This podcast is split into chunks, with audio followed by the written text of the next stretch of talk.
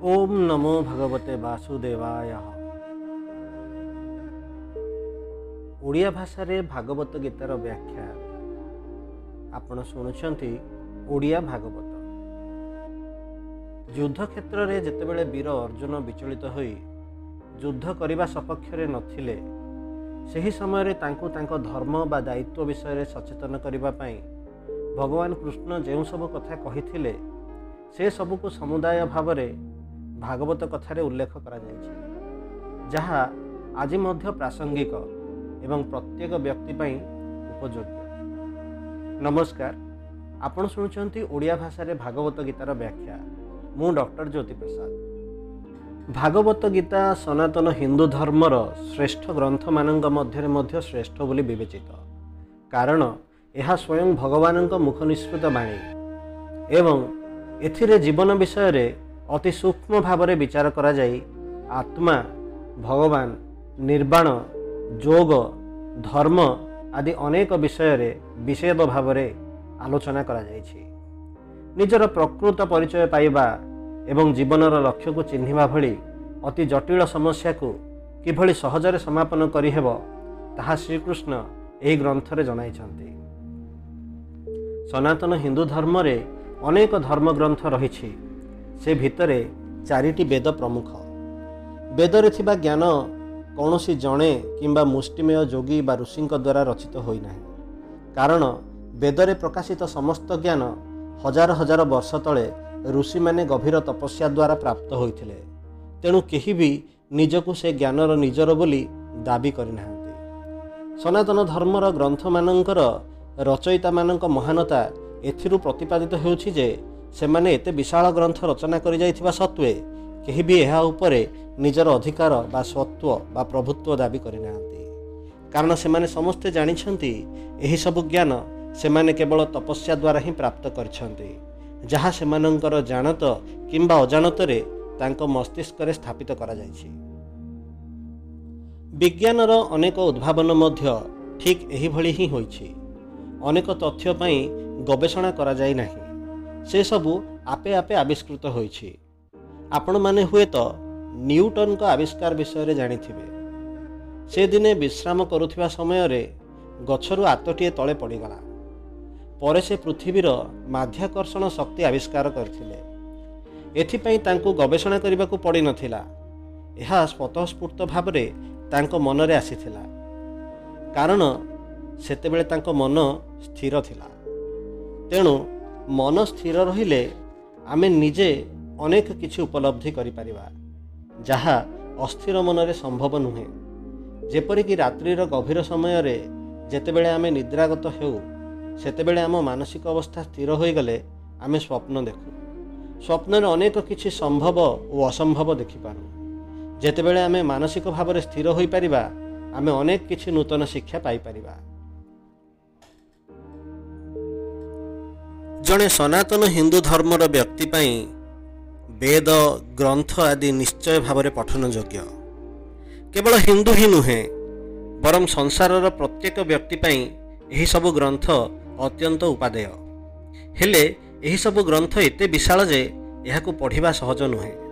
ତେଣୁ କୁହାଯାଇଛି ଯଦି ଆପଣ କେବଳ ଭାଗବତ ଗୀତା ପଠନ କରୁଛନ୍ତି ତାହେଲେ ଆପଣ ଚାରି ବେଦର ଶିକ୍ଷା ଗୋଟିଏ ସ୍ଥାନରେ ପାଇପାରିବେ। କାରଣ ଗୀତା ସ୍ୱୟଂ ଭଗବାନଙ୍କ ମୁଖ ନିଃସୃତ କେବଳ ଗୀତା ପଢ଼ିବା ଦ୍ୱାରା ଚାରି ବେଦ ପଢ଼ିବା ପରେ ଯେଉଁ ଜ୍ଞାନ ଆସେ ତାହା ମିଳିପାରେ ବୋଲି ମଧ୍ୟ ଅନେକ ସାଧକ ମତ ଦିଅନ୍ତି। ତାହେଲେ ବର୍ତ୍ତମାନ ଆମେ ମୂଳ ପ୍ରଶ୍ନ ଉପରକୁ ଆସିବା। ଆମେ ଭାଗବତ ପଢ଼ିବା କାହିଁକି? ଭାଗବତ ଭାରତରେ ଅସଂଖ୍ୟ ବିଚାରାଳୟମାନଙ୍କରେ ଯେଉଁ ସବୁ ସ୍ଥାନରେ ଯେତେବେଳେ କୌଣସି ଅଭିଯୁକ୍ତ ବିଚାରପତିଙ୍କ ସମ୍ମୁଖରେ କୌଣସି ତଥ୍ୟ ଉପସ୍ଥାପନ କରୁଛି ତା ପୂର୍ବରୁ ତାକୁ କୁହାଯାଏ ଯେ ଗୀତା ଉପରେ ହାତ ରଖି ଶପଥ କରି କୁହ ଯାହା କହିବ ସତ କହିବ। ପ୍ରଶ୍ନ ଉଠୁଛି ଗୀତାରେ ଏମିତି କ'ଣ ଅଛି ଯେ ଏହାକୁ ଛୁଇଁବା ପରେ ଜଣେ ବ୍ୟକ୍ତି କେବଳ ସତ ହିଁ କହିବ ବୋଲି ଧରାଯାଉଛି? ଆଉ ଆଶ୍ଚର୍ଯ୍ୟର କଥା ହେଉଛି ଭାରତର କୌଣସି ଶିକ୍ଷା ପଦ୍ଧତିରେ ଗୀତା ପାଠର ଉଲ୍ଲେଖ ନାହିଁ। ଅର୍ଥାତ୍ ଅଧିକାଂଶ ଲୋକ ଗୀତାକୁ ପଢ଼ି ନାହାନ୍ତି ବୋଲି କହିଲେ ଅତ୍ୟୁକ୍ତି ହେବ ନାହିଁ। ଗୀତା ପଠନର ଅନେକ ଉପକାରିତା ରହିଛି ଯାହାକୁ ଭିନ୍ନ ଭିନ୍ନ ବ୍ୟକ୍ତିମାନେ ଭିନ୍ନ ଭିନ୍ନ ଭାବରେ ଉପସ୍ଥାପନ କରିଛନ୍ତି। ଆସନ୍ତୁ ଆମେ ଜାଣିବା ଗୀତା ପଠନର ଉପକାରିତା ବିଷୟରେ। ଓଡ଼ିଆରେ କଥାଟିଏ ଅଛି ରୁଚୁ ନ ରୁଚୁ ଖାଅ ପିତା ବୁଝ ନା ବୁଝ ପଢ଼ ଗୀତା। ହେଲେ ଆମେ ଏଠାରେ ଏହି ଶୃଙ୍ଖଳାରେ ଗୀତାକୁ କେବଳ ପଢ଼ିବା ନାହିଁ ବୁଝିବାକୁ ମଧ୍ୟ ଚେଷ୍ଟା କରିବା। ଆଉ ବୁଝେଇବାକୁ ଚେଷ୍ଟା କରିବା ମଧ୍ୟ।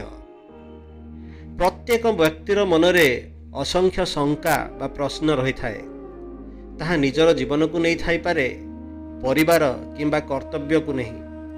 ଆପଣ ଯେତେ ବିଜ୍ଞ ହୋଇଥାନ୍ତୁ ନା କାହିଁକି ଆପଣଙ୍କ ମନରେ ତତୋଧିକ ପ୍ରଶ୍ନ ନିଶ୍ଚୟ ଉଦ୍ବେଳିତ ହେଉଥିବ।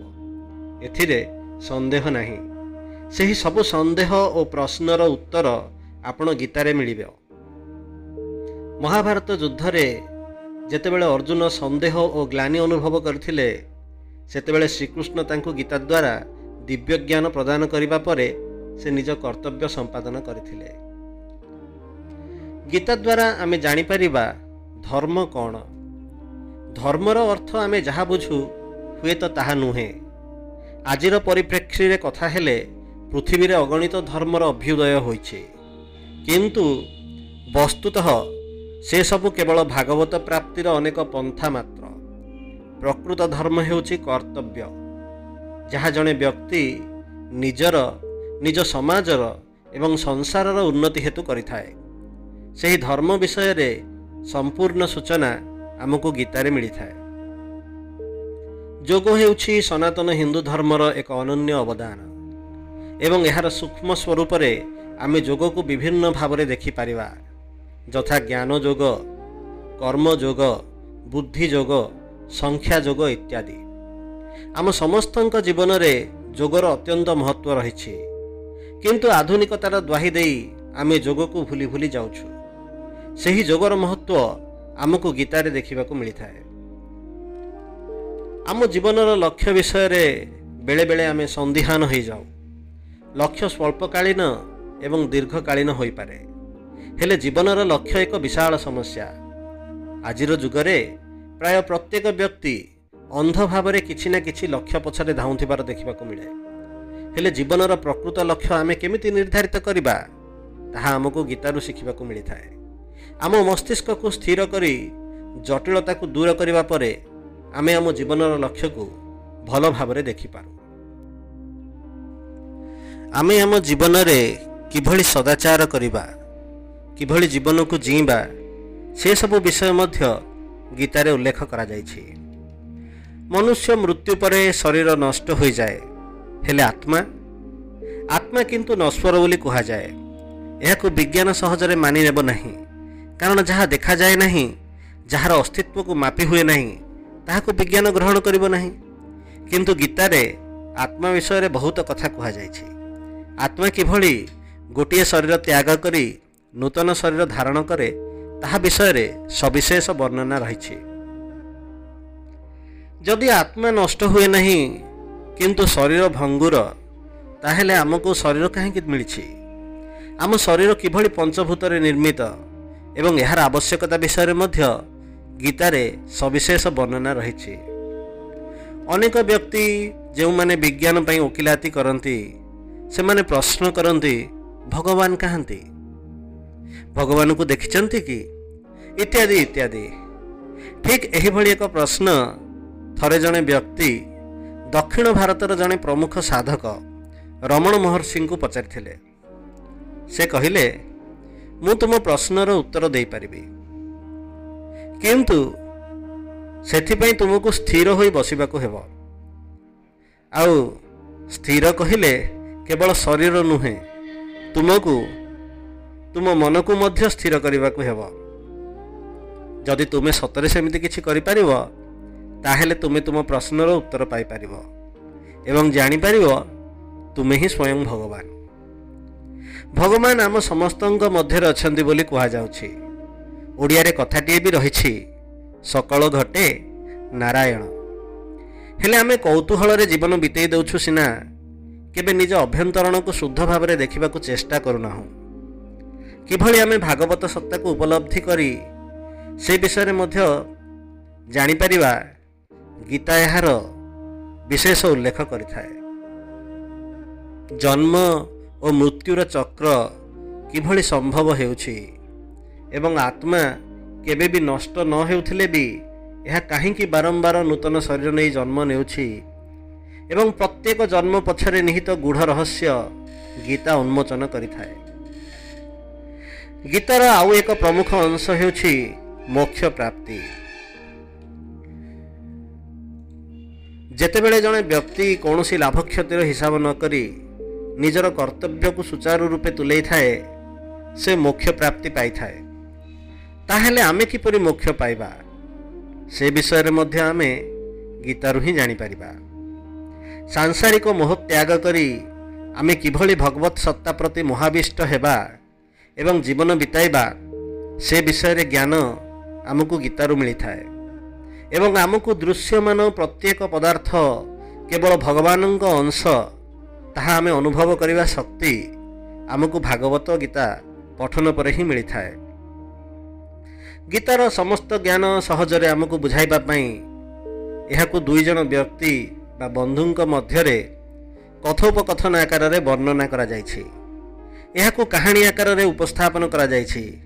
କିନ୍ତୁ କଥା ଆଉ କାହାଣୀ ଛଳରେ ଅତି ଜଟିଳ ସମସ୍ୟା ଆଦିର ବିସ୍ତୃତ ସମାଧାନ ମଧ୍ୟ ଜଣାଇ ଦିଆଯାଇଛି।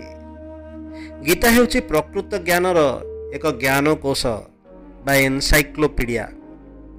ଜଣେ କୋମଳପତି ଶିଶୁକୁ ଯେଉଁଭଳି ଶିକ୍ଷା ପ୍ରଦାନ କରାଯାଏ ଗୀତାରେ ମଧ୍ୟ ପ୍ରତ୍ୟେକ ବ୍ୟକ୍ତିଙ୍କୁ ସେହିଭଳି ଭାବରେ ବିଭିନ୍ନ ଜ୍ଞାନକୁ ବୁଝେଇ କୁହାଯାଇଛି। ଗୀତା ପଠନ ଦ୍ୱାରା ଅନ୍ୟୁନ ତିନୋଟି ଜିନିଷରେ ପରିବର୍ତ୍ତନ ହୋଇଥାଏ। ଅବଶ୍ୟ ଏବେ ଆରମ୍ଭ ମାତ୍ର। ଆମେ ଯେତେ ଯେତେ ଆଗକୁ ଗୀତା ପଢ଼ିବା ଆଉ ବୁଝିବା ସେତେ ଅଧିକ ଅଧିକ ପରିବର୍ତ୍ତନ ଆମ ମଧ୍ୟରେ ଦେଖିବାକୁ ପାଇବା। ବର୍ତ୍ତମାନ ପାଇଁ ଆମେ ଯେଉଁ ସବୁ ପରିବର୍ତ୍ତନ ଗୀତା ଆମ ମଧ୍ୟରେ ଆଣିଦେବ ତାହାକୁ ବୁଝିବାକୁ ଚେଷ୍ଟା କରିବା। ଏହି ତିନୋଟି ବିଷୟ ହେଉଛି ହୃଦୟର ନିର୍ମଳତା ଦୃଷ୍ଟିର ପ୍ରଖରତା ଏବଂ କର୍ମ ନିପୁଣତା। ଏହି ତିନୋଟି ବିଷୟରେ ଆମେ ଆଗାମୀ ଏପିସୋଡ଼ରେ ଜାଣିବା। ଆଜି ପାଇଁ ଏତିକିରେ ରହିବା। ଆମର ଆଗାମୀ ଏପିସୋଡ଼ ଶୁଣିବା ପାଇଁ ଆମର ପୋଡ଼କାଷ୍ଟକୁ ଲାଇକ୍ କରନ୍ତୁ ଏବଂ ଆପଣଙ୍କୁ ଭଲ ଲାଗିଲେ ବନ୍ଧୁମାନଙ୍କ ସହ ସେୟାର କରନ୍ତୁ। ଓମ୍ ନମୋ